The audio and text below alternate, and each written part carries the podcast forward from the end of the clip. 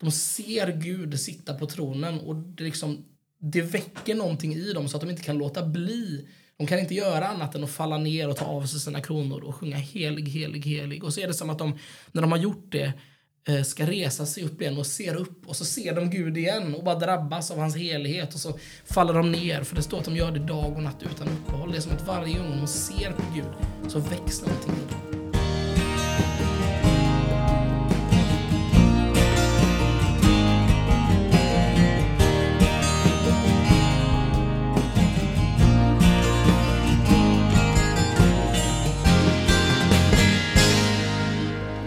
Ja, då var det återigen dags för Evangeliet förändrar allt. En podcast från Rotad.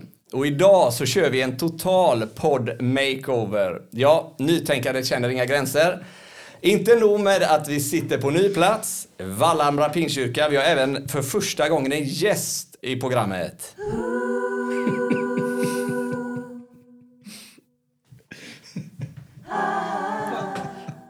Ja, där fick vi en fanfar. Och vi, ni ska snart få reda på vem det är.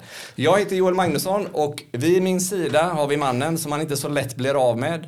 Mannen som har en hemlig dröm om att vara skogshuggare med motorsåg ut i skogen. Det är därför han bär svart rödrutig flanellskjorta, eh, tröja och andra dylika saker. Nima Motalebzadeh.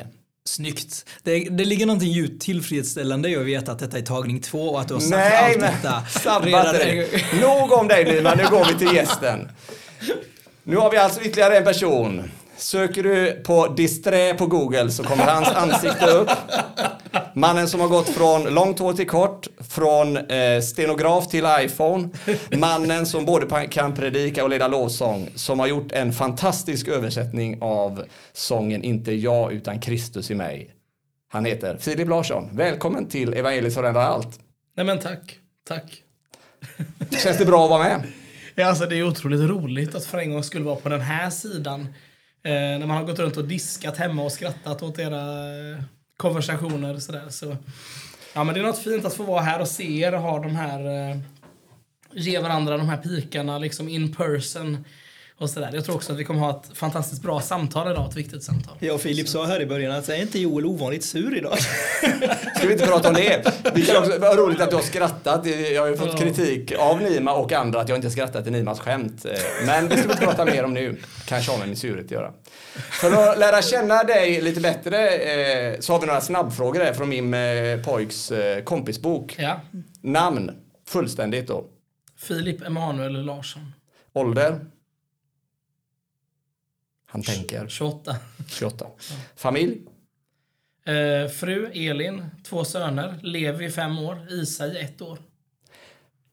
Levi är ett underbart namn, det heter min pappa. Jag blir glad av? Pepsi Max. Jag blir arg av? Kaffe. Oj, då har vi ett problem. Eh, eh, mitt favoritgodis är? Saltlakrits. Den bästa film jag sett? Det är en trilogi. Vad säger man då? Sagan om ringen antar jag. Kom igen. Extended version. Det är den enda jag har sett. Helt rätt. Okej. Okay. Såg ettan här om kvällen. Det är fint. Underbart. Jag känner att jag vill cykla tillbaka till det här med kaffe, men, jag gör inte det. Jag kan säga så här att äh, Filip har ju precis börjat här och han kommer säkert till sen som församling. Du kommer få jobbigt på hembesöken kan jag säga i alla fall. Ja, jag vet. Eh, vilken död person har påverkat dig mest? Eller levande, du kan ta levande. Oj, oj. Är det någon som inte är med i Bibeln då? Ja, ta någon utan. Man säger alltid Jesus och då... Fast han liksom... är inte död, jo. Nej, han är levande. Det klipper vi bort. Börjar med lite heresi här. ja, någon död person som har påverkat mig väldigt mycket. Eh, nej, men jag får väl säga typ Rosenius eller Lina Sandell eller någon av dem där. Jag tror jag sa Lina Sandell med. Härligt, då har vi något mm. gemensamt. Mm. Det gillar jag att göra på fritiden.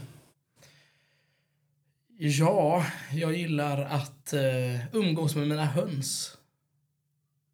Det där lät spännande. De luktar inte så gott. Nej, men man, man vänjer sig. Man Berätta, berätta vad de heter, där, Filip. Vad de heter? Vår stortupp heter Glorfindel. Sen har vi två små tuppar som heter Haldir och Durin. Och för er som inte vet vad det är så är detta alltså namn tagna direkt ur Tolkiens legendarium. Ja. Och Absolut. dina grannar uppskattar inte dina höns, i alla fall inte tuppen. Eh, ett Filip, har, Filip har inga grannar. Han bor mitt i skogen. det är därför han inte har några grannar. Ett land jag vill resa till. Eh, får jag ha varit där för? Ja, Ja, jag vill åka till det heliga landet. En gång till. Israel. Ja. Har du varit där Nina? Eh, ja, det har jag. Eh, för ett antal år sedan med eh, 150 eh, pingstpastorer. Eh, jag kan säga att det är inte jättelätt att vara i Israel och se ut som jag gör.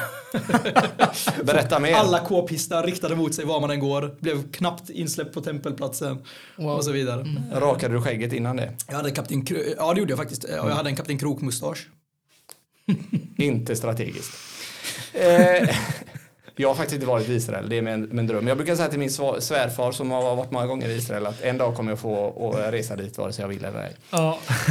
Vad gör du Filip när du inte sitter här och spelar in podd? Eh, jag är pastor i den här församlingen. Eh, Vallhamrakyrkan i Sävedalen. Sen hur länge då? Sen eh, kan det vara en och en halv, två veckor. Något sånt. Alldeles nykläckt. Det är fräscht. Absolut. Då vet vi allt om Filip som, som är värt att veta. Ja, nästan. Fantastiskt roligt att ha med dig i podden måste jag säga. Och vi kan säga det eh, att Filip kommer vara med och leda lovsången på TGC Nordens konferens i Stockholm Yes. 5 till 7 oktober med flera i Betlehemskyrkan. Ja. Yes. Så eh, anmäl dig till den konferensen, det kommer bli fantastiskt bra. Det finns länk i avsnittsbeskrivningen. Och inte nog med det, eh, Filip, du var ju med och ledde lovsången under veckan som gick när vi hade Sam Allberg här. Yes. Eh, det är det som har upptagit mina tankar den senaste tiden. Vill ni dela något kort eh, från den veckan, er upplevelse? Eh, Det var, det var verkligen fantastiskt. Vilken, vilken eh, vis, förståndig, barmhärtig, gudfruktig broder han är. Eh, jag, jag och min fru kände stor tacksamhet. Jag var ju, hade glädjen att få vara med både i Bottnaryd och i Göteborg. Och eh, eh, upplever verkligen att detta var en stor välsignelse för kristenheten i Sverige. Eh, Jag uppfattar att väldigt mycket litteratur såldes också, god litteratur. Eh, Många som köpte många bra böcker, vilket gör mig väldigt glad. Eh, nej, jag, jag kan jag, bekräfta att det var många böcker som såldes. Vi har aldrig sålt så mycket böcker. enorm välsignelse. Jag tänker att eh, det som spelades in på lördagen kommer läggas ut på Youtube. Och på fredagen, kvällen, kommer läggas ut på Och jag skulle bara uppmuntra alla att titta på det. det, det man behöver inte ens hålla med om exakt allt han sa för att bara se att det här var, och jag säger inte att jag inte gör det, men, men så mycket visdom, så mycket biblisk liksom mildhet och sanning. Eh, det var underbart. Mm. Verkligen. Nej, men det var fantastiskt. Det var, det var hoppfullt att det var så bred representation eh, av människor från flera olika sammanhang och samfund. och så där. Det, det var överraskande faktiskt. För man, man blir alltid lite nervös inför sådana här satsningar. Kommer någon komma? Och de som kommer, är det de redan invigda? Liksom. Men, men det var fantastiskt bra. Jag lyckades få med mig ett par äldste faktiskt från den här församlingen. Eh, så ja, jag, är, jag är överraskad, positivt överraskad och väldigt tacksam. Eh, och sen så, hela känslan var eh, från, från liksom början till slut att det här är evangeliskt. Eh, det var tydligt att, att Jesus Kristus var i centrum, att hans, att hans kors och död och, och begravning och uppståndelse och himmelsfärd och återkomst, liksom allt det här var på något sätt Eh, det var bakomliggande allt det som han sa eh, och, och hur goda nyheter det är. Eh, och det kanske man inte tänker sig när man, när man tänker en konferens om sexualitet och Bibeln att, att, att Jesus som, som korsfäst är i centrum, men det var han verkligen. Eh, så Och det var, det var verkligen känslan och, och, och Sam sa också det att det är intressant att det vi pratar om mest är egentligen evangeliet. Och, och det var det som också var så underbart. Han eh, spelade även in tre avsnitt gånger 30 minuter med Himlen TV7. Så där kan man Yes. hålla utkik eh, när de kommer ut.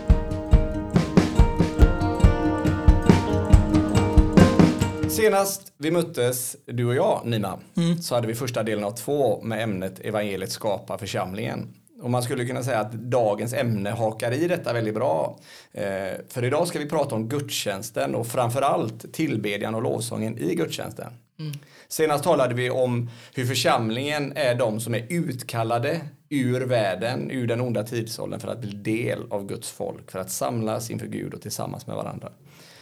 Och vi nämnde en bild av detta. är ju i gamla testamentet när Gud kallar sitt folk ut ur Egyptens slaveri. Och vi har ju den anledningen när eh, Mose går till farao så säger han just det, släpp mitt folk så att jag kan hålla gudstjänst. Eh, så de kan hålla gudstjänst åt mig i öknen. Det är Guds ord mm. till. De kallas ut ur slaveriet för att fira gudstjänst åt Gud. Och det är ju en, en, en, en skuggbild av det som är det nya förbundet. Vi är, vi är frälsta, vi är utkallade för att fira gudstjänst, för att mm. tillbe. Och det är det vi också ser att när Israels folk har blivit befriade och döpta så att säga genom havet. Vad är det första de gör? Jo, det är att de tillber i andra Mosebok kapitel 15. Det är att lovsjunga och tillbe Gud. Innan vi gör det, det är ju fokus på tillbedjan idag, men jag tänker att vi kort berör överhuvudtaget varför vi samlas till gudstjänst. Vad eh, säger ni där? Jag lämnar ordet fritt. Varför vi samlas till gudstjänst? Vi samlas till gudstjänst därför att vi tillhör en Gud som är värd att firas, tillbes, lovas. Eh, vi samlas till gudstjänst därför att det är våra hjärtans övertygelse att han har skapat oss till sin ära. Han har skapat oss till att tillbe, till att vara tillbedjare. Det sitter i vårt allra djupaste DNA att vi är tillbedjande varelser och mm. som så många andra har sagt, vi kommer alltid att tillbe. Frågan är bara vem eller vad vi tillber. Vi samlas till gudstjänst därför att det står i Hebreerbrevets tionde kapitel, vers 24-25. Låt oss ge akt på varandra och spara varandra till kärlek och goda gärningar och låt oss inte överge våra sammankomster så som några brukar göra utan istället uppmuntra varandra och det är så mycket mer som ni ser att dagen närmar sig. Och här tänker jag att det finns två skäl. Det ena är bara för det står att vi inte ska överge våra gudstjänster. Mm. Men det står också att vi gör det för att uppmuntra varandra. Eh, motsatsen till att överge våra gudstjänster är att komma samman och uppmuntra varandra. Det är mm. till ömsesidig uppbyggelse och uppmuntran i den lokala församlingen att samlas veckovis för att tillbe och dyrka treenig Gud. Mm. Har du något att tillägga där? Ja, eh, jag håller med allt det. Jag skulle också, också tillägga att vi samlas i gudstjänst för att det är där Gud handlar med oss på ett särskilt sätt. Han har gett oss vissa saker, vissa gåvor som vi får i församlingsgemenskapen. Det är där han döper oss. Han har gett dopet till församlingen för mm. att liksom inlemma nya medlemmar i hans kropp i den synliga kyrkan. Mm. Det är där vi får fira Herrens måltid tillsammans och han möter oss i det firandet. Eh, det är där vi får höra Guds ord läsas och utläggas och förklaras för oss. Och Guds ord är levande och verksamt, det är ande och liv. Eh, så det gör någonting med oss det också. Det är där eh, nådegåvorna kan få vara i funktion till församlingens uppbyggnad som Paulus skriver. Så att Eh, vi samlas till gudstjänst dels för att Gud är värd det, men, men också för att vi är beroende av det. Vi mm. behöver det. Jag kan inte ha någon tro utan ett gudstjänstliv. För det blir som att försöka ha ett liv utan att äta. Mm. Eh, man tynar bort, tron tynar bort och, och, eh, och sakta men säkert dör den bort. Så att jag, jag firar gudstjänst för att min tro behöver det. Mm. Min själ behöver det. Och jag tror, att, jag tror också liksom den kollektiva eh, liksom delen av detta förlorar vi ibland. Alltså, det är inte bara jag som sjunger utan vi sjunger tillsammans mm. och vi mm. sjunger till varandra. Vi sjunger mm. till oss själva. Vi sjunger till Gud men vi sjunger också orden till varandra och vi lyssnar. Alltså det är en kollektiv eh, del i allt vad vi gör till gudstjänsten. Någon, någon har ju sagt att vi i en gudstjänst eh, läser vi Guds ord, vi predikar Guds ord, vi sjunger Guds ord och vi ser Guds ord, alltså i mm. nattvarden och dopet. Mm. Och mitt tillägg till det skulle vara att och sen går vi därifrån och lyder det vi har, det mm. vi har påminns om i gudstjänsten. Mm. Ungefär så skulle jag säga. Mm. Eh, och den här, då kommer vi liksom idag beröra med då att vi, vi sjunger eh, Guds ord. Mm. Eh, vad är då tillbedjan och lovsång? Jag skulle kanske definiera det som att som att tala sant om Gud, eh, tala om Gud, om saker han har gjort, till Gud från sitt hjärta. Eh, det vill säga, jag ser någonting hos Gud, någonting som, som, som han är, någonting som han gör och har gjort. Och det väcker någonting i mitt hjärta så att jag måste sätta ord på det. Mm. Eh, Vad väcker i ditt hjärta? Eh, det väcker tacksamhet och glädje och sång. eh, jag vet inte om nu är en bra stund att gå in på Innan du går in, för, för vi vill ta tid till bibelordet som Mm. vi vet betyder så mycket för dig. Men jag tycker att du sätter ord på någonting när du säger att det väcker sång. Det vill säga sång är inte bara ett uttryck vi har hittat på. Mm. Nej, precis. Eh, utan det verkar som när vi läser Saltaren, när vi läser Bibeln, det verkar som att det är, det är naturligt att sjunga Ja. När vi skådar Herrens person och verk. Ja. Det, det, det väcker verkligen sång inom oss. och Jag vet inte om det går att förklara det på ett bättre sätt. Utan resultatet av Guds handling är sång. Det är ju något djupt mänskligt att sjunga sång och musik. Det finns i alla kulturer genom alla tider mer eller mindre.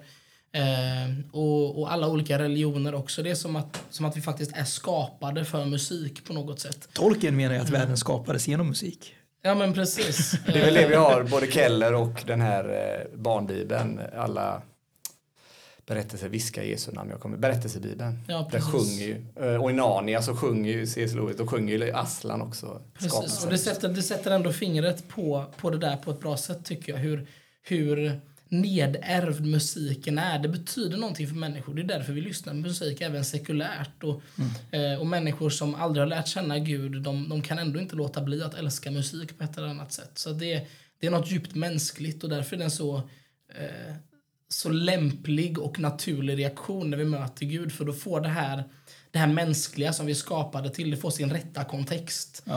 Eh, den blir inte, musiken blir inte bara, bara musik utan den blir musik så som den är tänkt att vara. Och jag tänker det kopplar ju lite an till det du sa, eh, alla tillber, frågan är bara vad vi tillber. Eh, och podden heter ju Evangeliet förändrar allt. Jag tänker sång, alltså inte bara att vi sjunger utan att våra hjärtan sjunger är en självklar följd av evangeliet och frälsningen. Att vi har sett hans oerhörda nåd och frälsning, då vill vi sjunga. Och vi, vi pratade ju det om, om innan avsnittet att att så fungerar det i hela livet. Vi talar om, ser du en vacker liksom, eh, utsikt? Har du ätit något gott? Har du lyssnat på något? Har du sett en vacker tavla? Vad det sen är. Vad gör du? Du sätter ord på det. Det vackra sätter du ord på. Du prisar och tillber och tackar det vackra. Du tackar kocken eller så vidare. Och precis samma är det liksom kärnan i tillbedjan. Vi, vi tillber det vi har sett vackert och det som är underbart. Alltså det är en naturlig följd. Och jag, och jag, innan du går in på bibelordet, du ska snart få göra det, så tänker jag att ibland så tror jag vi har liksom en fel bild av att liksom vi upphöjer Gud som om han inte vore upphöjd. som att Ja. han behöver... vi- Som om vi tillskriver honom någonting som han inte har och är beroende av. Precis som att han liksom han behöver vår lovsång för att lyftas upp. Han är redan på tronen och, och när vi tillber så, så, så öppnas våra ögon så ser vi det så stämmer vi in. Ja, han är på tronen. Han är underbar, han är hel och så vidare. Och, så vidare. Eh, och inte så som liksom att han skulle vara beroende av vår lovsång. Liksom. Nej. Utan- Skulle det inte finnas en enda människa som lovsjunger så har han hela himlen full av änglar som gör det. Och skulle de inte finnas så är Gud treenig så att han har liksom eh, Fadern, Sonen och Anden ärar varandra också. Så det finns, det finns inget beroende i Gud överhuvudtaget utan lovsången ska gå till honom för att, för att han är världen. Eh, Så kan man säga att en gudstjänst är att eh, frälsta individer bjuds in i en evig gudstjänst där Fadern, Sonen och den helige Ande har i all evighet älskat varandra absolut. eh, och ärat varandra och vi får bjudas in i den här eviga sången.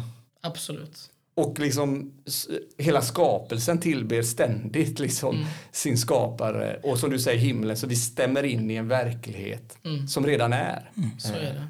Nu eh, vill du gå över till eh, läsa... Absolut, absolut. Vi har ju faktiskt exempel i Guds ord på perfekt lovsång. Vad är perfekt lovsång? Men vi har, eh, vi har bilderna av, eh, av den himmelska gudstjänsten och vi kan se den delvis i Jesaja 6. Jag kommer inte läsa det nu. Eh, men vi får en liknande bild i Uppenbarelseboken 4 och eh, lite i kapitel 5 också. Jag läser några verser här. Jag börjar 4, eh, vers 2. Genast var jag i anden, det är Johannes då som får det här uppenbarat för sig. Och se en tron stod i himlen och någon satt på tronen. Och han som satt där liknade en ädelsten som jaspis och karneol och runt omkring tronen fanns en regnbåge som liknade smaragd. Runt omkring stod, tronen stod 24 troner och tronerna, på tronerna satt 24 äldste klädda i vita kläder och med kronor av guld på huvudet och från tronen kom blixtar och dån och åska och framför tronen brann sju facklor som är Guds sju andar och framför tronen låg liksom ett hav av glas som kristall. Man ser den här liksom bilden som målas upp av Guds vackra tronsal och det är som att Johannes för att beskriva det här plockar liksom varenda ädelsten han kan komma på för att kunna beskriva det ljuvliga han ser. Och så står det mitt för tronen och runt omkring den stod fyra varelser som hade fullt med ögon fram till och bak till. Den första liknade ett lejon, den andra en ung tjur, den tredje hade ett ansikte som en människa och den fjärde liknade en flygande örn. Var och en av de fyra varelserna hade sex vingar och fullt med ögon runt om och på utsidan. Dag och natt, och här kommer själva lovsången då. Dag och natt säger de utan uppehåll. Helig, helig, helig är Herren Gud allsmäktig. Han som var och som är och som kommer. Och när varelserna prisar och ärar och tackar honom som sitter på tronen och som lever i evigheters evighet då faller de 24 äldste ner inför honom som sitter på tronen och tillber honom som lever i evigheters evighet. De lägger ner sina kronor inför tronen och säger Värdig är du, vår Herre och Gud, att ta emot lov och ära och makt, för du har skapat allt. Genom din vilja kom det till och blev skapat. Och Det är den första delen. Jag ska läsa en, en liten snutt till. Jag vet att det blir långt, men det här är så viktigt för det vi pratar om. Eh, och det är i kapitel 5 så ser Johannes hur det för tronen står ett lamm också. Ett lamm som såg ut att ha blivit slaktat. Eh, och så går det här lammet fram och tar en bokrulle och det ska vi inte gå in på nu. Men de här 24 äldste som nyss har tillbett eh, han som sitter på tronen, de faller nu också ner inför lammet och sjunger en lovsång även till lammet. Eh, och det står i vers 9 kapitel 5. De sjunger en ny sång. Du är värdig att ta bokrullen och bryta dess sigill. För du har blivit slaktad och med ditt blod har du friköpt människor åt Gud av alla stammar och språk och länder och folk. Du har gjort dem till ett kungarike och till präster åt vår Gud och de ska regera på jorden. Och där ska jag inte läsa mer, men, men, men kort bara liksom sammanfatta det här med att lovsången i himlen, den, den sker eh, egentligen av två anledningar. Den första är Eh, de lovsjunger Gud för vem han är. Du är helig, helig, helig. Och det är någonting som pågår i evigheters evighet utan uppehåll. Och det som jag sa när vi satt och pratade innan här, att det är som att de här väsendena, de, de ser Gud sitta på tronen och det, liksom, det väcker någonting i dem så att de inte kan låta bli. De kan inte göra annat än att falla ner och ta av sig sina kronor och sjunga helig, helig, helig. Och så är det som att de, när de har gjort det, Eh, ska resa sig upp igen och ser upp och så ser de Gud igen och bara drabbas av hans helighet och så faller de ner för det står att de gör det dag och natt utan uppehåll. Det är som att varje gång de ser på Gud så väcks någonting i dem. Gud är. Och sen också då som vi läste så tillber de Gud för vad han gör. Först Fadern. Eh, du är värdig att ta emot allt det här för att du har skapat allt. Genom din vilja blev det till. Eh, och sen Lammet, du har frälst ett folk. Så, så Gud är värdig lovsången och tar emot lovsången på grund av bara saker som har med Gud att göra. Det är inte vi som kommer på någon ny grej. Bara, ah, tänk om vi sjunger till Gud. Utan han är helig och det väcker någonting i de här väsendena. Och han har gjort någonting. Han har skapat och han har frälst och det väcker någonting i den här skaran som sjunger. Mm. Det var väl som någon, någon mm. sa, det, det, är, här får vi också en inblick i vad som ständigt pågår som du säger. Mm. Och liksom varje gång vi tillber tänker jag att vi, liksom, vi träder in och ser mm. lite av det och sen i evighet så kommer vi se det utan liksom ridåer eller utan dunkla mm. spegelbilder och att i evighet kommer vi aldrig kunna mättas Precis. av en Gud är och, och, och, och vad lammet har gjort. Det kommer, det kommer vara en evighet så mm. kommer vi ständigt eh, mm. Verkligen. Jag, jag, jag, tänker utifrån de här texterna, ett ord som är ständigt återkommande här är ju värdig. Mm. Eh, I vers 11, värdig är du vår Herre och Gud att ta emot lov, ära och makt. Och sen står det i eh, kapitel 5, vers 12 att lammet som blir slaktat är värdigt att ta emot makten, rikedomen, visheten, ja. kraften, äran, härligheten och lovsången. Och sen så fortsätter det. Eh, och, och, och jag tänker att ordet värdig sätter verkligen fingret på vad dyrkan och tillbedjan handlar om. Det handlar inte om att vi ger honom makt och rikedom utan att vi igenkänner och proklamerar att han är den värdig. Den tillhör honom eh, by rights. Liksom. Den, den, den är hans och vi igenkänner det och vi proklamerar ut det och bjuder in andra att delta i det igenkännandet.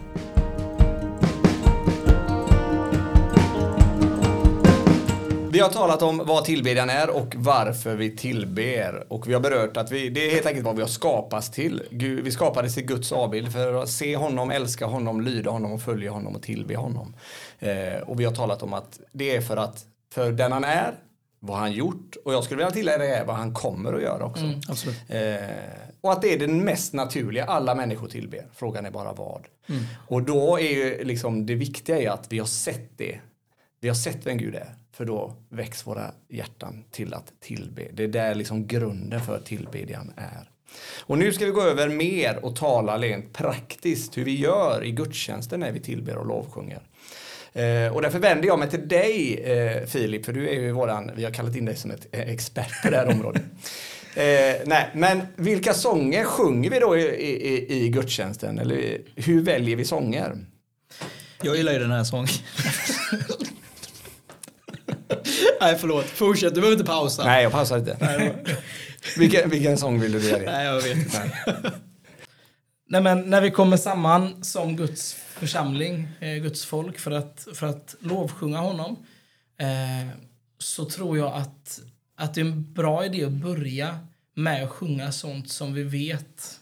Eh, alltså vi var inne på det förut, att, att vi tillber Gud för den han är och vi tillber Gud för vad han gör, vad han gjort, vad han kommer göra. Eh, så varför inte börja med att sjunga de sångerna? Varför inte börja med att sjunga till Gud att han är helig, helig, helig. Att himlen, himlarna och jorden är fulla av hans härlighet. Att han var, att han är, att han kommer. Att han är värdig att ta emot allt det här, makten och äran och härligheten för att han har skapat allt och för att han har frälst oss genom Jesus Kristus. Eh, det är en bra början. Eh, säg att du är lovsångsledare eller, eller du sköter hela gudstjänsten och valet av sångerna. Hur skulle du tänka i valet av sångerna? Skulle du välja en viss liksom, ordning på hur du ordnar vad vi sjunger när i gudstjänsten? Det skulle jag göra. Nu, är inte, nu ger inte Bibeln oss någon, någon fast mötesordning med ni måste sjunga den här typen av sånger i exakt den ordningen. Men, men rent praktiskt så brukar jag försöka börja med just det. Jag börjar med att sjunga sånger som handlar om Gud.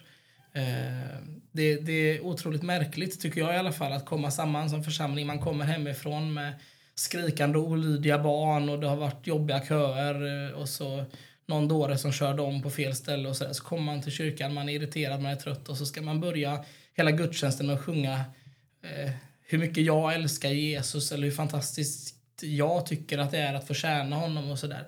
Det, det är ju inte sant. Eh, vi måste börja med att rikta blicken mot, mot Gud, vem han är, vad han har gjort och sjunga de här bibliska orden. Du är helig, du är helig, du är helig. Eh, och sen någon gång när man har börjat få upp ögonen för vem Gud är och vad han har gjort, då är det också naturligt att ge sin respons, att sjunga Jag älskar dig, Jesus. Eller ännu hellre, vi älskar dig, Jesus. Som församling. Ja, men exakt. Det där är ju en diskussion vi kan ha. eh, nu är ju just det en specifik sång. Eh, Men jag, jag tror att det är väldigt viktigt, eller jag vill gärna göra så när jag, och återigen det är liksom ingen biblisk, men när jag leder gudstjänsterna och ansvarar för allt i gudstjänsten, eller liksom valet av sånger och så, så, så väljer jag alltid att läsa en psaltarpsalm direkt i inledningen av gudstjänsten och sen Alltså en kallelse till tillbedjan. typ. Ja, så skulle man kunna kalla det. Men, och, och för att, som du säger där, att direkt innan någon har sagt välkommen, innan någon har sagt, så riktar vi blicken. Det är ju liksom, jag säger inte att man måste göra så, men jag tror att det är en hjälp. Liksom. Absolut. Vem är det vi samlas inför? Jag tänker att det också är ett sätt att påbörja gudstjänsten, inte genom att vi talar till Gud utan genom att höra hans ord till oss. Gudstjänsten börjar med Guds röst till oss, kanske i form av en eh, uppmaning till oss att tillbe honom. Eh, och vi får gensvara under resten av gudstjänsten. Det är ju faktiskt så att vi, att vi i Bibeln har en sångbok med 150 sånger som är inspirerade av den heliga Ande. Och det är absolut inte fel att använda dem, att sjunga dem, att sätta melodier på dem eller att läsa dem eller sådär. Men, men de ska användas. Och Paulus säger också att vi ska tala till varandra med salmer, sånger och andliga hymner. Eh, eller san, salmer, hymner och andliga sånger är det kanske, blanda alltihop dem. Men poängen där tror jag är att det är absolut lämpligt för en kristen församling att när vi samlas att lovsjunga saltaren. Eh, att ha det som liksom bas. Sen glömmer vi ofta bort det och, och, och det, många, det kan vara svårt med den, den typen av musik som vi är van vid att sjunga, att sjunga det där. Men, men då är ett hett tips till lovsångsledare att skriva sånger inspirerade av saltaren. Att använda det språkbruket och de formuleringarna Eh, och, och göra nya melodier till det så att församlingen kan sjunga de orden. Och, det, och jag skulle säga att, att, liksom, att, att Guds ord får leda oss in i tillbedjan är ju den dörren så att säga. Från att vara stressad eller uppjagad och det kaos hemma så kommer man in i kyrkan. Eh, så är det liksom Guds ord öppnar den dörren. Vem mm. är det vi samlas inför? Och så får vi en blick inför honom och så gensvarar vi i tillbedjan. Absolut. Och ni, ni, Nima var inne på någonting väldigt viktigt där, att, att vi gensvarar. Absolut är det så att det är Guds församling och Guds folk som kommer samman och lovsjunger honom. Eh, och det ser vi genom Bibeln gång på gång också att, att, att lovsångerna är ofta i vi-form. Eh, och att Gud har gjort någonting för oss. Eh, så där, är, där får man ha vishet lite grann. Den personliga responsen är också viktig. Och det finns också i Bibeln. Personliga... Jag skulle säga att jag älskar dig Jesus är faktiskt en personlig favorit. Så jag, ja, jag menar inte att dissa den sången. Nej, nej, precis. Och det finns även saltarsalmer som är djupt personliga. Mot dig har jag syndat och så vidare. Ja. Så jag skulle säga att det också är lämpligt att sjunga jag-sånger. Men mm. Men i vår kultur så är det kanske så att vi sjunger lite för mycket jag-sånger och lite för lite vi-sånger. Så det... Och jag tror att det är en bild av ett större paket där det inte bara, bara handlar om sånger utan gudstjänsten blir lätt nu är det bara du och Gud, glöm alla andra, eh, känn dig fri att stå upp, sitta ner, dansa, hoppa, gör som du vill, det är bara du och Gud. Vilket jag tänker underminerar eh, ett av gudstjänstens syften som är just uppmuntra varandra. Det vill säga gudstjänsten är inte ett soloprojekt. Ja, det kan finnas utrymme för det här personliga mötet som man verkligen behöver. Absolut. Men det är inte det som är huvudpoängen, det är sekundärt. Huvudpoängen är att vi gemensamt som kropp, som församling, som familj kommer inför Gud för att gemensamt tillbe honom och på så sätt också uppmuntra varandra. Och det, och det tänker jag, tror jag man behöver bli mycket mer uppmuntrad i det att som du säger, tillsammans. Jag har känt det i, i perioder av sorg och kamp så har jag känt att jag måste komma tillsammans med församlingen för att mm. tillbe. För att alla är inte i sorg och kamp. Och då blir det för mig en uppmuntran att se min broder eller syster tillbe Gud för den han är. Mm. Inte som ett hot och du har det inte lika dåligt som jag, utan det blir som att Ja, han är verkligen det. Mm. Även när jag är nere. Alltså att där hjälper vi varandra. Och ibland tror jag att människor då känner att jag kan inte stå tillbe här när jag vet att den här människan har sorg eller kamp. Jag skulle säga att det är just då vi behöver det för att hjälpa mm. den att se att Gud är densamma. Ja. Mitt i kampen och svårigheterna och sorgen. Och, och, och, jag skulle säga också att, att det du nämner där med att vi, det är bara jag och Gud och så lägger man till många gånger att så lämnar vi allt annat utanför. Jag skulle säga att, att snarare ta allt det du bär med dig in och lägg det inför Gud. Mm. Och det är där jag tror ibland att vi missar där och att saltaren är sån hjälp mm. att sätta ord på alla känslor. Mm. Allt från klagan, tillbedjan, förtröstan, hopplöshet, alltså allting att för, för, för saltaren lär oss inte bara vad vi och hur vi bör be utan också hur vi bör känna. Och att jag tror att i vår kultur så har vi också svårare för den här liksom eh, psalm 13. Hur länge Gud ska du alldeles glömma mm. mig? Liksom. Mm. Mm. Det här ropet till Gud. Alltså att sätta ord på olika känslor. Två tankar där. Eh, det, första är att jag, tror vi, prat, vi pratar om vår kultur och Sverige är världens mest individualistiska samhälle. Så jag tror att det är särskilt viktigt för oss just den här vi-betoningen, oss-betoningen, att vi kommer gemensamt. Att när någon kommer in i en kyrka och ska fira gudstjänst eh, utifrån en utomstående, att få se den här liksom counterculture eh, som håller på att pågå här där vi inte bara är individer utan ett kollektiv, en gemenskap. Det, det är ett vittnesbörd till samhället att vi gör någonting annorlunda. Mm. Men också tänka utifrån det här du säger att vi tar med oss allting inför Gud. Det är en jättegod poäng. Och jag tror att det måste reflekteras. Filip, du kanske kan kommentera detta. I vårt lovsångs i våra lovsångsval. Det vill säga vi ska inte bara sjunga sånger som är happy clappy och så vidare utan det måste finnas en teologisk bredd som motsvarar bredden och djupet i våra känsloliv och omständigheter vi går igenom. Och vi ser det i Saltaren. Det finns väldigt mycket klagosalmer och så finns det glädjesalmer och sen så finns det tacksamhet och det finns, det finns så mycket olika. Det finns bekännande, det finns proklamerande, det finns beskrivande och så vidare. Och det behöver i våra liksom lovsångsbanker som församlingen har så måste det eh, komma fram. Absolut. Eh, du säger det väldigt bra och jag håller med. Sen så kan det där vara lite svårnavigerat som lovsångsledare och, och det finns inte jättemånga lovsånger som är skrivna utifrån utifrån saltaren. Det är inte som att jag kan slå upp en, en psalm i saltaren och tänka ah, men just det, vi har ju de här två, tre lovsångerna vi kan sjunga på det här temat. Sådär. Eh, och det är också lite svårt att skriva lovsånger. Jag vet inte hur jag skulle bära mig åt att skriva lovsånger. Åh oh, gud, att du ville döda de ogudaktiga. Det, det är liksom svårnavigerat. Eh, så det finns, det finns svårigheter där. Eh, men jag tror också att det är sunt att utmana sig själv. Eh, som lovsångsledare, när man skriver nya lovsånger, inspireras av Bibelns språkbruk så att vi får den här bredden. och, och där tycker jag ändå att det har, det har blivit lite av en renässans de senaste åren. Men när jag växte upp, när jag var, när jag var barn och tonåring, då var det de här 90-tals lovsångerna som liksom man sjöng samma mening 10 000 gånger om hur fantastiskt det är att bo under ett vattenfall eller sånt där. Nu vill inte jag dissa någon om det, om, om, om, om det råkar vara din favoritlovsång. Eh, men, men det har blivit de senaste åren en renässans även inom, liksom, ja, men, inom pingst och de här etablerade eh, samfunden när man skriver lovsång att det har varit ett större fokus i alla fall på att man vill ha teologisk tyngd i sångerna. Eh, så det har blivit, bara de senaste tio åren har skrivit så många fler sånger om korset, om frälsningen, om, eh, om Jesu gudom. Eh, Sådana saker som inte riktigt, som inte riktigt var när jag var liten i alla fall. Då var det mest så vaga formuleringar som inte riktigt betydde så mycket. Så det, det tycker jag är ett lyckligt en lycklig trend och sen kan den utökas och breddas och sådär. Men... Och där kan vi också, jag ska snart släppa in dig så att säga, men att, att bara instick där att där har ju du och jag pratat, jag leder ju en del åsång men att, att behovet av nätverk mm. Eh, som både skriver nya och översätter eh, engelska bra eh, sunda bibliska sånger. Att det är ett stort behov och, och det finns, det, det är något i, i, i början så att säga men, mm. men och, och målet är väl kanske i framtiden att ha eh, någon form av konferens eller samling kring det.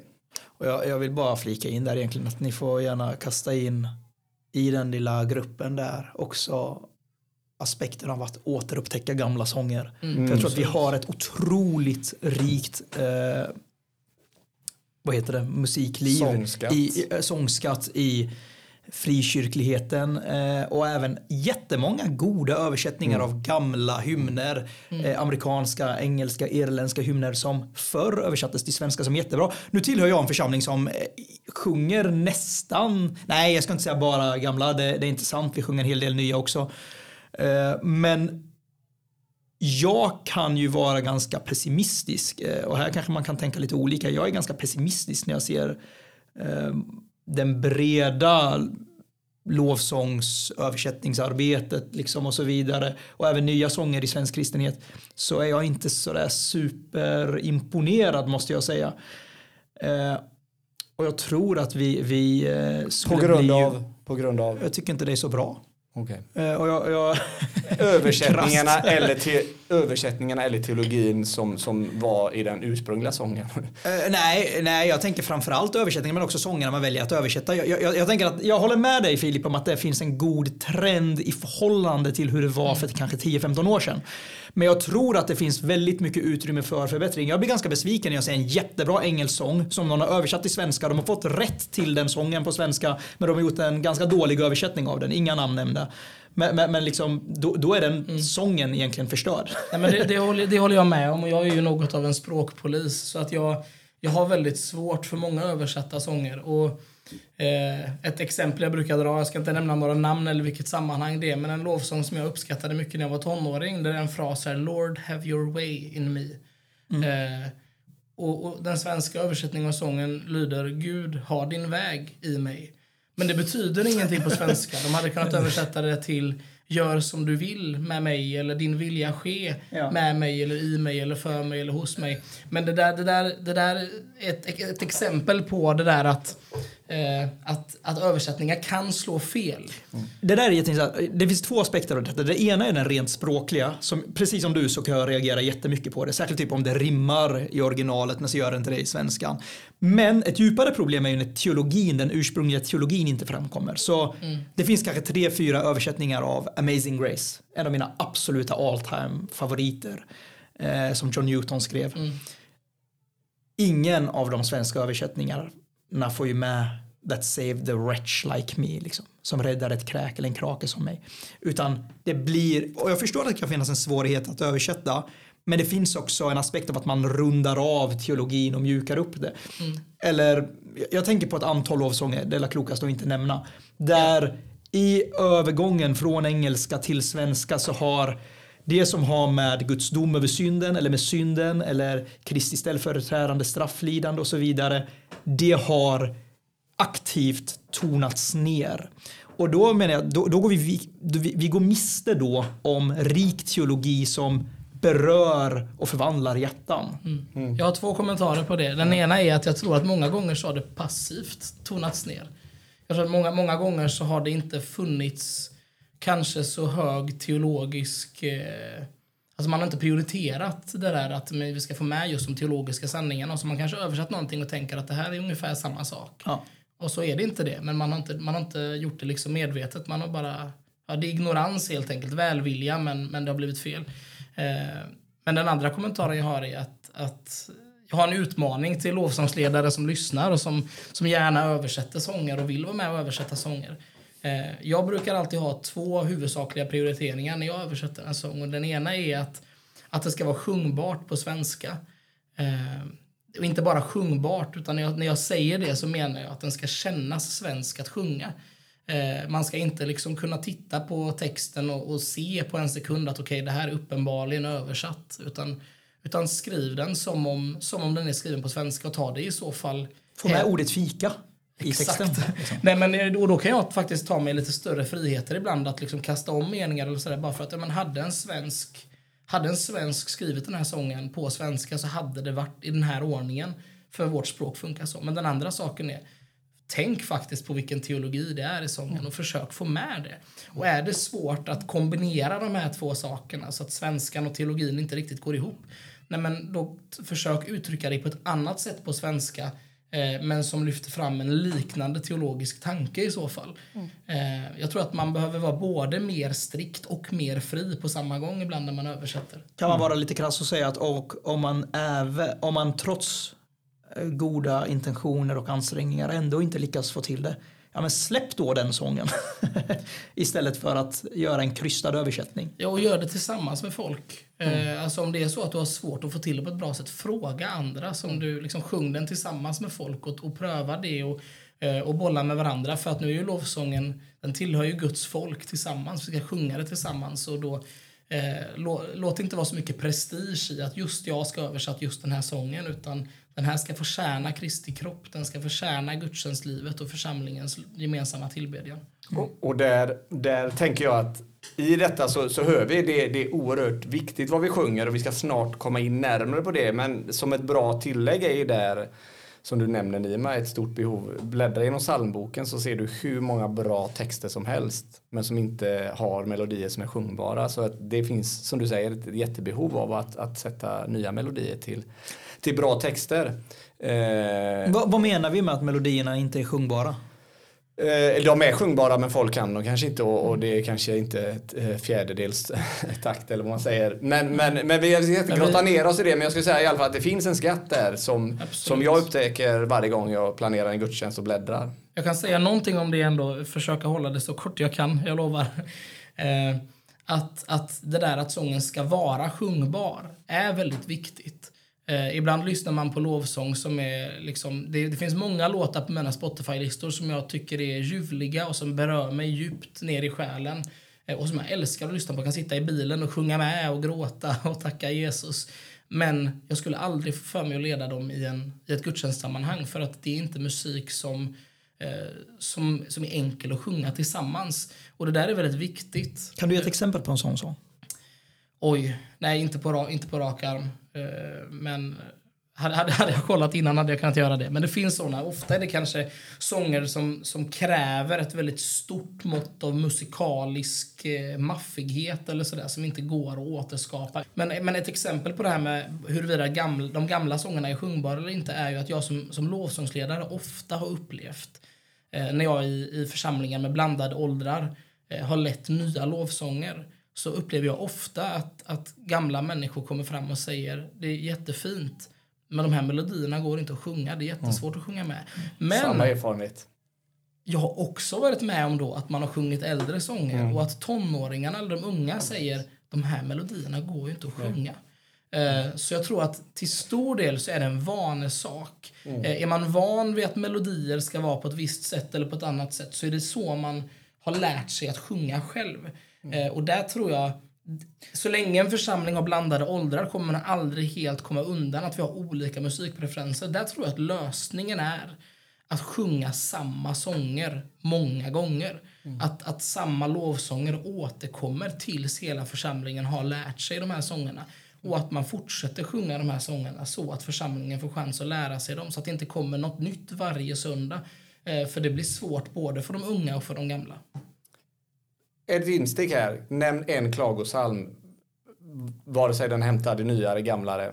Kan ni komma på en som vi sjunger som har klagan? För vi säger ju det att det finns många i Saltaren.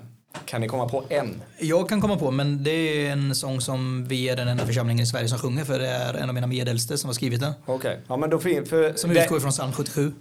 där kan man ändå se ett, ett, ett, så att säga att, att det inte speglar riktigt liksom mångfalden av, av känslor i, i, Nej, det. Och inte ens svårt. psalmer och sånger eller segertoner skulle jag säga. Ja, nu kan jag verkligen, för jag har inte bläddrat igenom alla. Men Segerton, alltså namnet där låter inte så det klagligt. passar inte så. Det finns, det finns ju absolut sånger som handlar om lidande. Eh, det, det finns det en och annan. Men, men finns det liksom, det finns om lidande, för det kan man också se att många av psalmförfattarna, Lina Sandell, Emil Gustafsson och så vidare, Ja. de kämpade mycket och man känner att sångerna, men finns det den här liksom, Herre, hur länge ska du helt glömma mig? Liksom, den här Jag kommer, raka jag, jag kommer att tänka på en sång som heter Hör du min bön. Eh, jag minns inte texten nu, men, men vi sjöng den mycket när jag var tonåring, i min ungdomsgrupp i alla fall. Eh, Hör du min bön, eh, när min tro är som jag, lika livlös och trött, någonting. Eh, och så fortsätter. Jag minns inte alls längre än så, men, men det var en sån sång som faktiskt var väldigt sårbar och ärlig. Liksom. Jag, jag är trött och förstörd här, Gud. Hör du ens min bön? Eh, men sen landar den ändå i, och det gör ju också Bibelns klagosalmer ofta, i någon slags lovprisning. Att jo, men det gör du faktiskt. Jag tror att, jag tror att eh, det är också viktigt att någonstans, eller det är uppenbart att eh, lovsångstrender kommer att anpassa sig efter rådande teologi i frikyrkligheten. Eh, vi har inte en, eh, skulle jag säga, hälsosam biblisk syn på lidande i svensk frikyrklighet. Och då kommer det inte finnas jättemånga sånger som reflekterar hur Bibeln talar om lidande. Eh, vi, vi är snabba med att säga Gud hör alltid bön. Gud hör alltid bön. Och när det är den rådande teologin så kommer det också synas, tänker jag, i lovsångerna. Och vi kommer inte ha lovsånger som uttrycker det. Kanske David gör jättemycket. Det finns såklart undantag, särskilt om man börjar gräva mer och mer bakåt i tiden. Eh, Emil Gustafsson och så vidare. Men i mångt och mycket så kommer lovsångstrenderna också följa de teologiska trenderna. Och där är ju ett stort behov och vi kommer prata om det i, i avsnitt längre fram just om, om lidandets teologi och behovet av en av, eh, Mm. Det är också så att, att, att vilka lovsånger vi sjunger inte bara speglar eh, den teologi som vi har i kristenheten utan det är också så att lovsångerna formar teologin. Ja. Alltså det vi sjunger, eh, orden vi sjunger, orden vi ber påverkar vad vi tror. Eh, och det är som någon eh, lovsångsledare sa till mig någon gång att, att tyvärr är det ofta så när man lämnar kyrkan att man glömmer av predikan. Men den där sista sången man sjöng på gudstjänsten kan man ha på hjärnan i en halv vecka. Eh, Så det är också så att det är ju det som predikar för dig i din vardag sen fortsatt. Eh, Och det säger ju hur oerhört viktigt det är vad vi sjunger för sånger. För besöker du äldre på ålderdomshemmet, vad kan de? De kan sångerna. För det lärde de sig redan i skolan. Och en passus där är ju att när jag, vi hade andakter på ett hem så var det alltid en, när vi började sjunga psalmerna, då var det en äldre kvinna som, som klämde i du gamla, du fria. Över. jag brukar inte, jag brukar inte eh, eh alltså brista eller jag har svårt liksom att hålla mig, men då hade jag svårt att hålla mig när vi liksom sjöng Eh, blott en dag så bara sjunger hon Du gamla, du fri. jag kommer klippa det här också. Men, men va? jo, jag säger. Men, du klipper ju allt kul. Nej, vi ska ha kvar lite. Men det är helt enkelt viktigt vad vi sjunger, eh, vilka sånger vi sjunger. Och i en, en instick innan vi nu ska gå in på nästa del är ju också att, att som du var inne på, det här att äldre och yngre, vi måste komma bort ifrån det att mm. tillbedjan mm. och lovsång, det handlar om äldre och yngre. Liksom. Yes. Det handlar snarare om olika stil och olika sånger.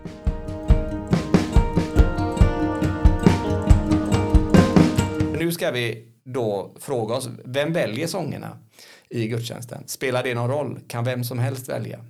Vad skulle du säga där, Nima? Jag uppfattar att eh, det mest rimliga utifrån det vi precis har sagt att lovsången är ett uttryck för teologi och lovsången skapar teologi eller bidrar till de teologiska uppfattningar eh, gudstjänstmedverkarna eh, får leder till slutsatsen att det är en äldstes uppgift, eller inte en äldstes uppgift utan det är äldstekårens uppgift, det är pastorskårens uppgift att välja sånger. Eftersom att det teologiska ansvaret vilar först och främst, inte uteslutande, men först och främst hos äldste i en församling, hos pastorskåren, så borde det rimligtvis också vara äldstekåren som eh, avgör vilka sånger som är lämpliga att sjunga. Och det borde inte vara någonting man avgör med en klackspark, utan det här behöver vara ett levande pågående samtal där varje ord i sångerna verkligen synas. Kan vi stå för detta? Vill vi sjunga detta? Tror vi att detta reflekterar Guds ord på riktigt? Eh, detta bara tomma ord som egentligen inte betyder någonting men som låter väldigt bra eller så att det ska rimma fint i, med melodin liksom och så vidare. Jag tror att eh, det här ytterst sett är pastorala frågor. Håller du med om det Filip? Jag håller nog med i princip, men sen är frågan hur det, hur det ser ut i praktiken och där kan det nog skilja sig lite. Eh, jag är ju pastor inom pingst och vi har en viss eh, tradition eller ett visst sätt att, att göra det på och, och oftast ser det ut så här. Att någon gång en till två veckor innan gudstjänsten så kommer mötesledaren att ta kontakt med lovsångsledaren och med predikanten. Eh, och så kommer kontakterna förmedlas på något sätt så att lovsångsledaren vet vad predikanten kommer predika över för text eller för tema. Eh, och så väljer lovsångsledaren oftast helt själv vilka sånger som, som är lämpliga eh, att sjunga. Och det, det lämnar ju också utrymme för en viss spontanitet i gudstjänsten när lovsångsledaren har den friheten. Och som lovsångsledare så är jag väldigt bekväm med det och tycker att det är väldigt skönt att kunna ha den friheten att eh, nej men jag upplever att vi ska sjunga den här sången och sjunga en annan sång. Eh, men jag skulle fortfarande hålla med om att eh, det definitivt är äldstekårens eh, yttersta ansvar att teologin som sjungs eh, i en församling är riktig. Att sångerna som sjungs eh, är lämpliga för den gemensamma gudstjänsten. Och eh, där är det ju viktigt som äldste eller som pastor i en församling eh, om man nu har en kultur där det är det här mer spontana, eh, den här mer spontana relationen till lovsång, att man försöker bygga en lovsångskultur. Att man försöker undervisa eh, lovsångsledarna och musikerna i vad som är sund lovsång, vad som är ett sunt musikliv. Eh, så att det där är ett samtal som är pågående, att man inte bara separerar de här sakerna utan att man faktiskt lägger sig i lite, inte på ett jobbigt sätt, eh, men på ett, eh, på ett sätt som jag tror är nödvändigt ändå, att man jag tänker man arbetar med det. När vi talar om lovsångsledare, för det betyder nog lite olika saker beroende på vilket sammanhang man kommer. Mm i, i pingst så är ju det nästan, tänker jag, ett ämbete.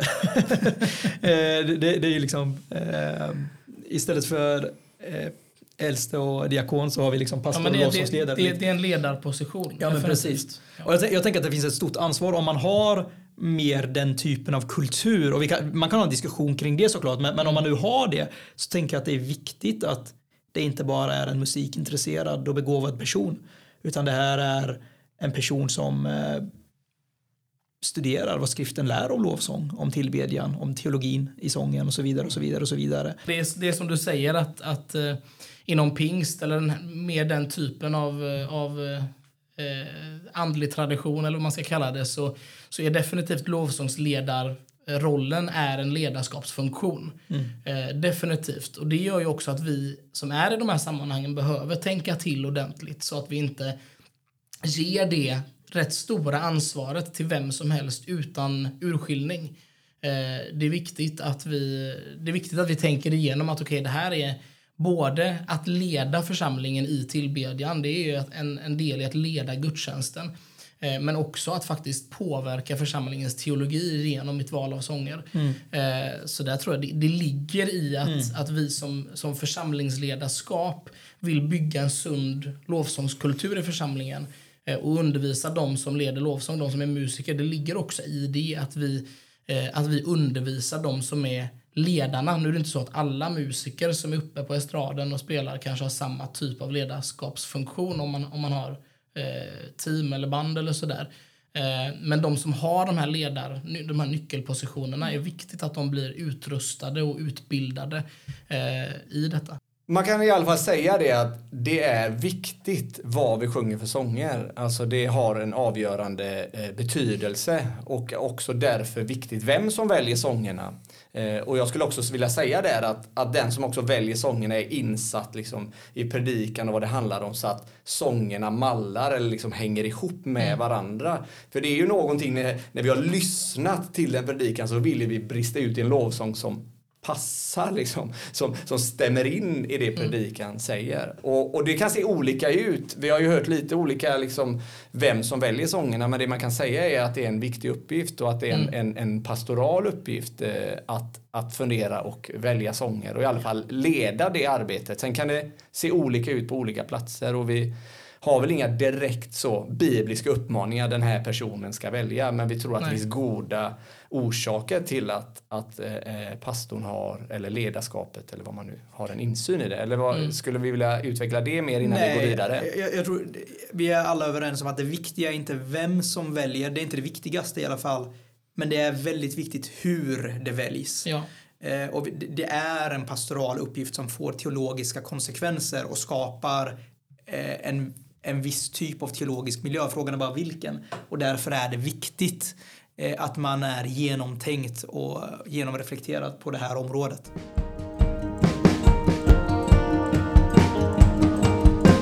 Filip, eh, en fråga som jag tänker på är, vi, har talat om lovsångsledare ganska mycket. Du kallar dig själv för lovsångsledare, du är en lovsångsledare. Vi pratar om att leda i lovsång. Um, hur mycket ska en, den som är ansvarig för att leda församlingen i gudstjänstmusiken på söndagsgudstjänsten. Hur mycket ska den personen synas och höras? Eh, det, det, är någonting jag tänker att vi skulle kunna prata lite om. Jag tänker också att du ställer väl den frågan utifrån att förr så var inte det en fråga men vi har fått väldigt framträdande nästan som konsertliknande lovsångsledningar. Eller? Ja men precis, jag tror att det är lite det ligger någonting i att lovsångsledare har blivit ett ämbete. Och vi ser i gamla testamentet, alltså jag, jag, säger inte det på ett raljant sätt, vi ser i gamla testamentet att det finns de som leder eh, israeliterna i lovsång och så vidare. Eh, men jag tänker, jag tänker rent praktiskt nu, hur mycket bör en lovsångsledare synas och höras? Det finns en hel kultur av att lovsångsledare ska vara ganska hippa och coola eh, många gånger. Eh, jag, jag minns en gång när jag var gudstjänstledare för många år sedan i, i eh, en annan församling.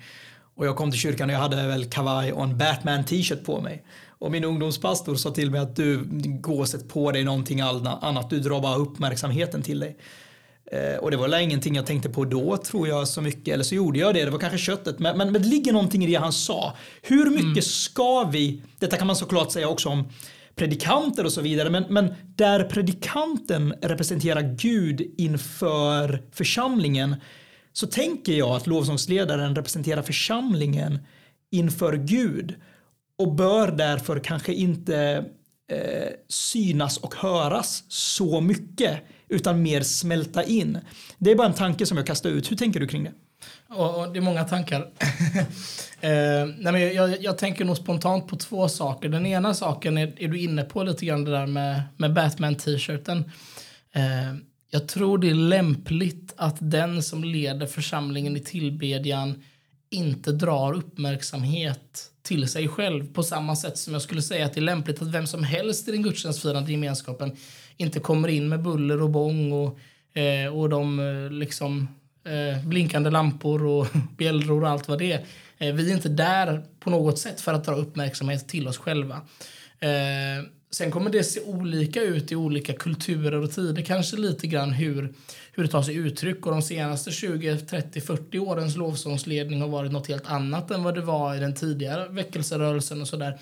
Eh, så det, det, kanske vi inte hinner gå in på jättemycket, men jag tror ändå att det är en god princip att den som leder församlingen i sång och musik är inte där för att själv synas. Eh, och är det då så i vissa sammanhang att, att lovsångsledarna får en framträdande position där de förväntas vara eh, se ut på ett visst sätt eller vara på ett visst sätt eller vara framträdande på ett sätt som, som är osunt, då ska man, då ska man vara vaksam.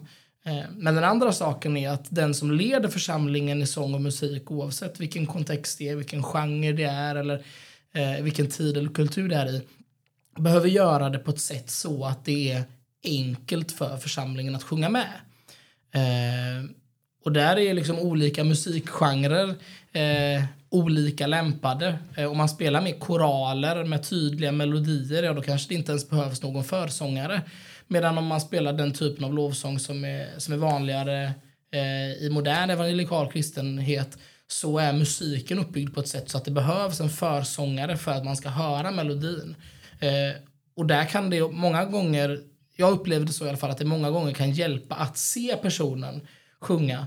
Eh, man vet när man ska komma in, när man inte ska sjunga, när man själv ska sjunga och sådär. Eh, så, så jag tror inte alls så att man måste trycka in lovsångsledaren i något hörn någonstans så att de ska vara osynliga utan det kan hjälpa församlingen absolut att, att lovsångsledarna faktiskt står där framme och, och bjuder in till lovsång. Mm. Eh, så länge det görs på ett sätt så att det inte är de som står i centrum och så att de inte riktar onödig eh, uppmärksamhet mot sig själva. Absolut, och jag tänker att det kanske egentligen är en bredare fråga som också handlar om hur mycket, hur många instrument är lämpligt att ha. För, för poängen med all lovsång är ju att det först och främst ska vara lovsång. Det vill säga att församlingen ska höras och sjunga tillsammans. Så om vi har så mycket instrumental, liksom, instrumentala ljud att det kväver församlingssången, ja men då är det problematiskt. Inte för att instrument är sattyg på något sätt, eh, utan vi ser att det används i Bibeln och så vidare.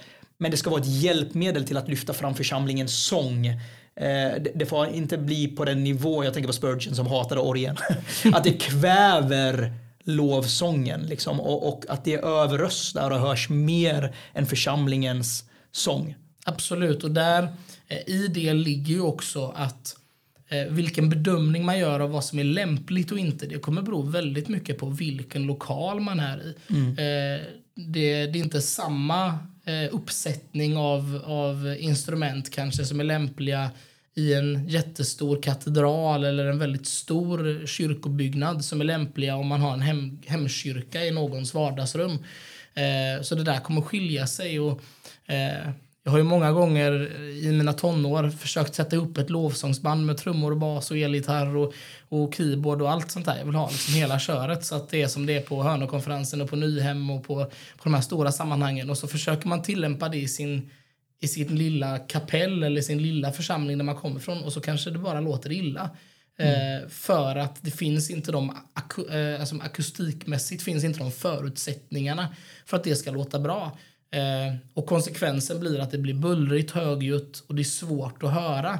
Eh, och då blir det också svårt för de som är där att sjunga med. Mm. Men på en större scen, på en konferens eller i en större kyrka kanske det är tvärtom. Där kanske man behöver mer eh, av helheten, större eh, orkester eller band för att det ska vara lättare att sjunga. Så där, det där kommer, vilken bedömning man gör kommer skilja sig beroende på vilket sammanhang man är i. Så där får man vara vis eh, och fatta ett, fatta ett klokt beslut utifrån och, och det, det tänker jag mig att, eh, som du säger, det, det handlar om vishet och, och bedömningsfråga. Att, å ena sidan kan man tänka att man tar spjärn emot liksom en modernare lovsångskultur om vi så vill kalla det och då ska man ha det då ska det inte vara några eller bara ett instrument. Liksom. Och jag tänker att det finns något i själva musiken så finns det en lovsång i att göra det bra. Men sen som du säger att det ska inte heller bli att den som i enkelhet med bara en gitarr exempelvis. Om det är det som är. För det är sången som står i centrum och det är orden som står i centrum. Men man får inte heller, tänker jag, hamna i det att, att, att spela vackert och göra det bra eh, är, mm. är också en, en del tänker jag, till Guds ära. Alltså det, det, lov, det prisar honom eller upphöjer honom att göra det bra. Men sen får ju inte det bli som ett krav att man måste göra det. Och det ska inte heller, som du säger, tänker jag Nima, eh, att det, det kväver församlingssången. Men en, en, en proffsig liksom, sätt att spela och sjunga kan också hjälpa, precis som jag varit med om tvärtom. Väldigt enkelt och falskt kan vara jättejobbigt. Att, mm. så det, alltså att jag tänker att här pratar vi om saker som, som är bedömningar och utifrån. Och där, där, där tror jag det hela tiden får vända till sig själv om man då är lovsångsledare. Eh, vad gör jag detta? Vilket syfte har jag? Och man får hela tiden rannsaka sig själv där. Ja. För, jag, för jag tror att oavsett vad, vi, vad det är i gudstjänsten så är, så är ju en fråga, vem faller ljuset på? Eh, och ljuset kan falla på alla utom Kristus på en mängd olika sätt. Ja, vi är, ju, vi är ju överens, vi som sitter här, om att, om att det kan se olika ut i olika kontexter och att, och att det som är lämpligt på ett ställe inte är lämpligt på ett annat. Och sen är jag liksom, jag är själv musikalisk allätare och jag lyssnar gärna på gamla väckelsesäsonger och modern häftig lovsång och allt däremellan. Jag sjunger gärna lovsång med instrument eller helt a cappella. Eh, och, och, man kan göra det på, på många olika sätt. Man, man får alltså göra en bedömning i de olika kontexterna och se vad som passar. Eh, och och där, ja, jag tror att vi är eniga om det helt enkelt. Att, att det finns inte nödvändigtvis ett rätt sätt att göra det på som funkar på alla i alla sammanhang eller, eller sådär. Ibland kan det vara helt fel att det är en stackare som sitter med ett piano och spelar och ibland är det helt rätt att det är så. Fast han är inte en stackare.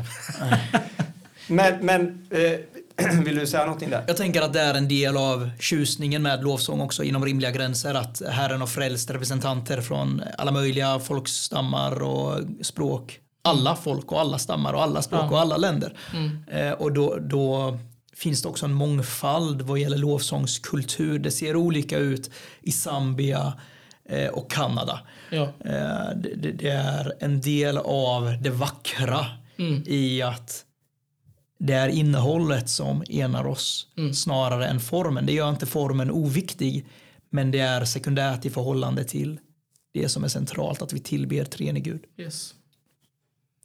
För att avsluta den här delen när någon inte har släckt av ljudet på sin telefon. Så eh, Paul Washer eh, tror jag var den jag hörde som sa det. Var, var, för att liksom, vem faller ljuset på? En lovsångsledares uppgift. Eh, han sa det att står någon på stan i en, i en större stad och tittar uppåt på en, eh, liksom, eh, en, en, en gata full med folk som går så kommer folk också börja titta uppåt. Det sker per automatik. Mm. Mm. De vill se det han har sett som står eller hon har sett. Och det skulle jag säga är en lovsångsledare. Och då är vi tillbaka till det vi talade om redan från början. Lovsångsledarens uppgift är att de har sett de sanningarna de sjunger mm. om. Så att deras liv sjunger mm. deras hjärtan och munnar. Och sen så leder de församlingen i det. Så församlingen ser lovsångsledaren och tänker jag vill se det han har sett. Jag tycker det är en väldigt bra beskrivning. Och nu har vi, vill jag bara också säga det att vi använder hela tiden lovsång men vi menar ju i det här avsnittet allsång. Vi har nog sagt det tidigare men att mm. det är allsång vi talar om. Allsång som är menad att lova Gud. Mm. Ja, alltså så inte folk tänker de talar bara om den modernare Nej, nej, det är inte, inte, genre, det är inte genren nej, utan, det är utan det är funktionen.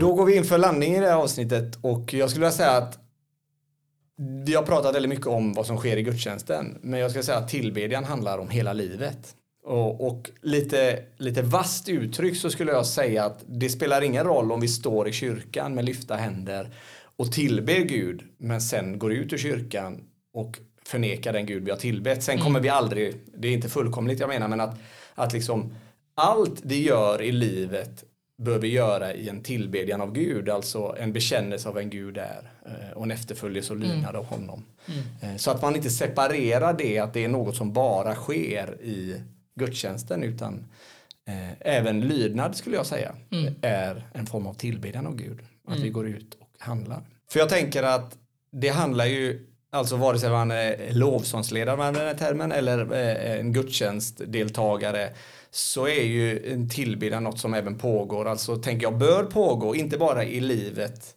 i, i hur vi handlar, hur vi agerar, men också faktiskt i vår bön. Ja. Alltså i hemmet, alltså även om vi inte sjunger så att vi på något sätt påminns vem är det vi tillber? Mm. Vem är det vi tillhör? Vem är det vi följer? Och att vi liksom eh, inte bara på söndagar liksom träder in i det rummet utan ständigt i vår vardag påminns nu, där jag är på jobbet eller var jag än är, om det så är på ICA, så är Gud värd min lovsång. Han sitter på tronen, han har full kontroll, han har allt i sin hand, han har frälst mig och så vidare. Och då kan vi liksom brista ut i en inre tillbedjan. Och jag skulle nog säga att också tvärtom då, att pågår inte en form av tillbedjan utanför kyrkan så är det nog svårare att den ska pågå på ett rätt sätt när vi kommer samman som, som församling. Till avslutning så kommer jag läsa eh, de första fem verserna i psalm 103. Eh, för jag tänker där att det är en sån bra bild av egentligen allt det vi har sagt och egentligen så, så skulle jag uppmana er att läsa hela salmen hemma. Eh, för det David gör i början av salmen är att vända sig till sin själ och så är det som att han säger vakna min själ och tillbe den Gud som du tillhör för allt vad han är, för allt vad han har gjort. Och det är det som liksom sen kommer i salmen. Så jag läser psalm 103. Lova Herren min själ, hela mitt inre, prisa hans heliga namn. Lova Herren min själ och glöm inte allt gott han gör. Han förlåter dig alla dina synder och botar alla dina sjukdomar. Han friköper ditt liv från graven och kröner dig med nåd och barmhärtighet. Han mättar ditt begär med sitt goda så att du blir ung på nytt som en örn. Lova Herren min själ, hela mitt inre ska prisa hans heliga namn. När vi har sett det så väcks vår, vår, vårt inre till lovsång. Mm-hmm. Amen. Då tackar vi för idag. Tack Filip för att du var med. Tack för att jag fick vara med. Och eh, det kanske blir på återseende. Vi får se. Får vi se. Ha det bra. Hej.